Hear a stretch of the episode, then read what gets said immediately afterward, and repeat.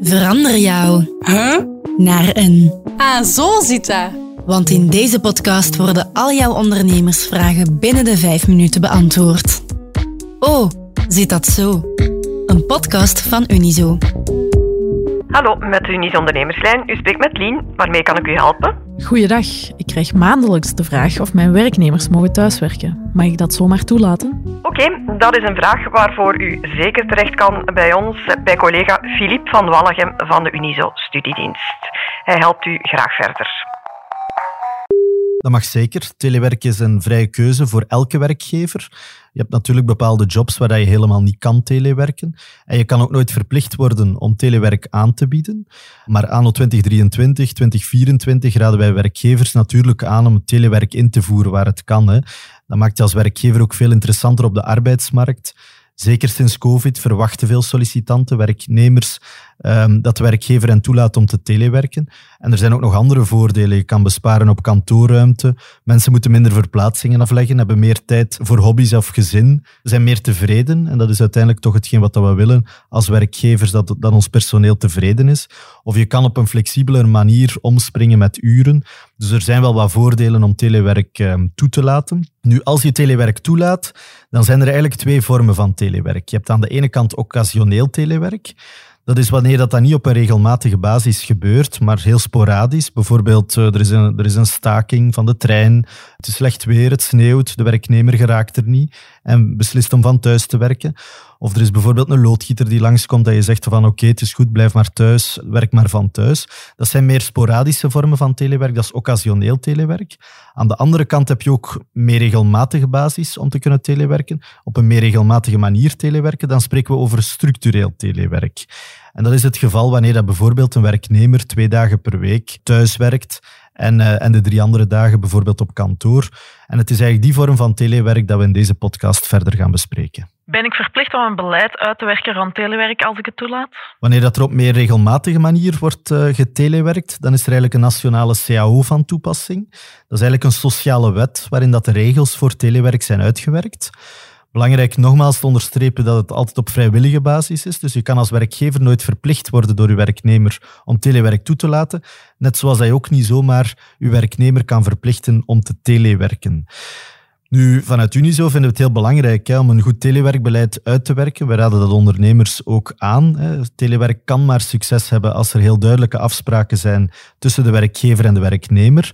En beslis je om te telewerken, dan is het belangrijk om een akkoord te maken, om een geschrift op te stellen, een individuele, dat kan via een individuele arbeidsovereenkomst, kan eventueel ook door zaken op te nemen in het arbeidsreglement.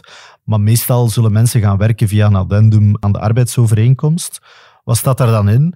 Ja, dat gaat dan over hoe vaak mag je telewerken, waar wordt er getelewerkt, wanneer moet je als telewerker bereikbaar zijn, welke prestaties worden er verwacht van de telewerker, is er een terugbetaling van bepaalde kosten, uh, is er een minimumaanwezigheid die nodig is op de werkvloer, is er bepaalde technische ondersteuning enzovoort. Dat zijn eigenlijk allemaal zaken die je heel vaak uh, zal gaan regelen tussen de werkgever en de, de telewerker. Moet ik mijn werknemers eigenlijk vergoeden als ze thuiswerken? Goh, daar zijn eigenlijk twee mogelijke situaties denkbaar. Ofwel zorgt die werkgever zelf voor alle apparatuur, ofwel gebruikt de werknemer zijn eigen apparatuur. Heeft hij zijn eigen laptop bijvoorbeeld. Dus het eerste geval is wanneer dat de werkgever uh, zorgt voor alle apparatuur. Dat betekent dan, je voorziet als werkgever alles om te kunnen telewerken. Je voorziet een pc, je voorziet uh, de installatie van programma's, onderhoud enzovoort. Dan moet je als werkgever nog altijd de kosten op u nemen voor verbinding en communicatie. Dus dat blijft wel belangrijk. Ofwel neem je ze rechtstreeks op u, ofwel betaal je de werknemer een bepaalde vergoeding. Als werkgever ben je niet verplicht om tussen te komen in andere kosten, zoals kantoormateriaal, uh, zoals elektriciteit, verwarming of bureaumateriaal. Dus dat kan, maar dat is geen verplichting. Je hebt dan de tweede situatie, dat is wanneer dat een telewerker zelf een laptop heeft, zelf zijn eigen apparatuur ter beschikking heeft. En hij wil dat zelf gebruiken, dan, dan kan dat ook. En dan moet je als werkgever wel tussenkomen opnieuw in die kosten van informatica-programma's, van werking en onderhoud. Dus daar ben je dan wel verplicht om een vergoeding voor te betalen. Maar opnieuw voor die andere kosten, zoals verwarming of elektriciteit, ben je nooit verplicht om, uh, om tussen te komen.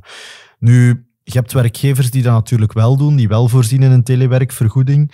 En daar is het interessant om toch eens te gaan kijken naar de circulaires van de fiscus, omdat de fiscus eigenlijk omschrijft welke tussenkomsten de werkgever kan doen in geval van telewerk. En ook de RSZ past die, uh, past die circulaires toe.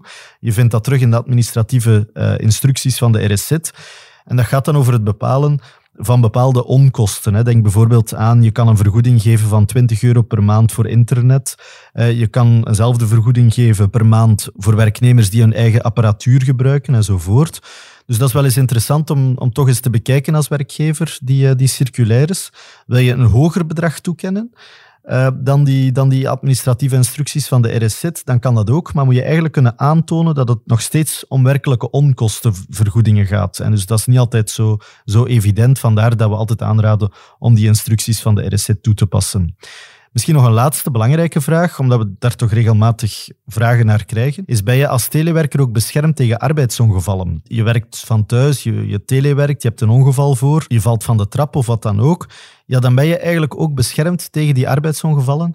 En dan zal die verzekering ook van toepassing zijn op arbeidsongevallen in geval van telewerk.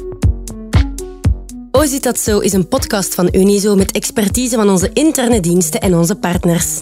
Wil je wat meer informatie over dit topic? Surf dan naar de kanalen van Unizo of klik op de link in de show notes. De productie en de eindredactie gebeurden door Keana van Houtegem en Babette Plessers. Ben je lid van Unizo, dan kan je net zoals de ondernemers in deze podcast contact opnemen met de ondernemerslijn voor gratis advies. Dat kan gemakkelijk op het nummer 02 21 22 678. Wil je beroep kunnen doen op onze in-house expertise, maar ben je nog geen lid van Unizo? Ga dan voor samen ondernemen en surf als de bliksem naar www.unizo.be.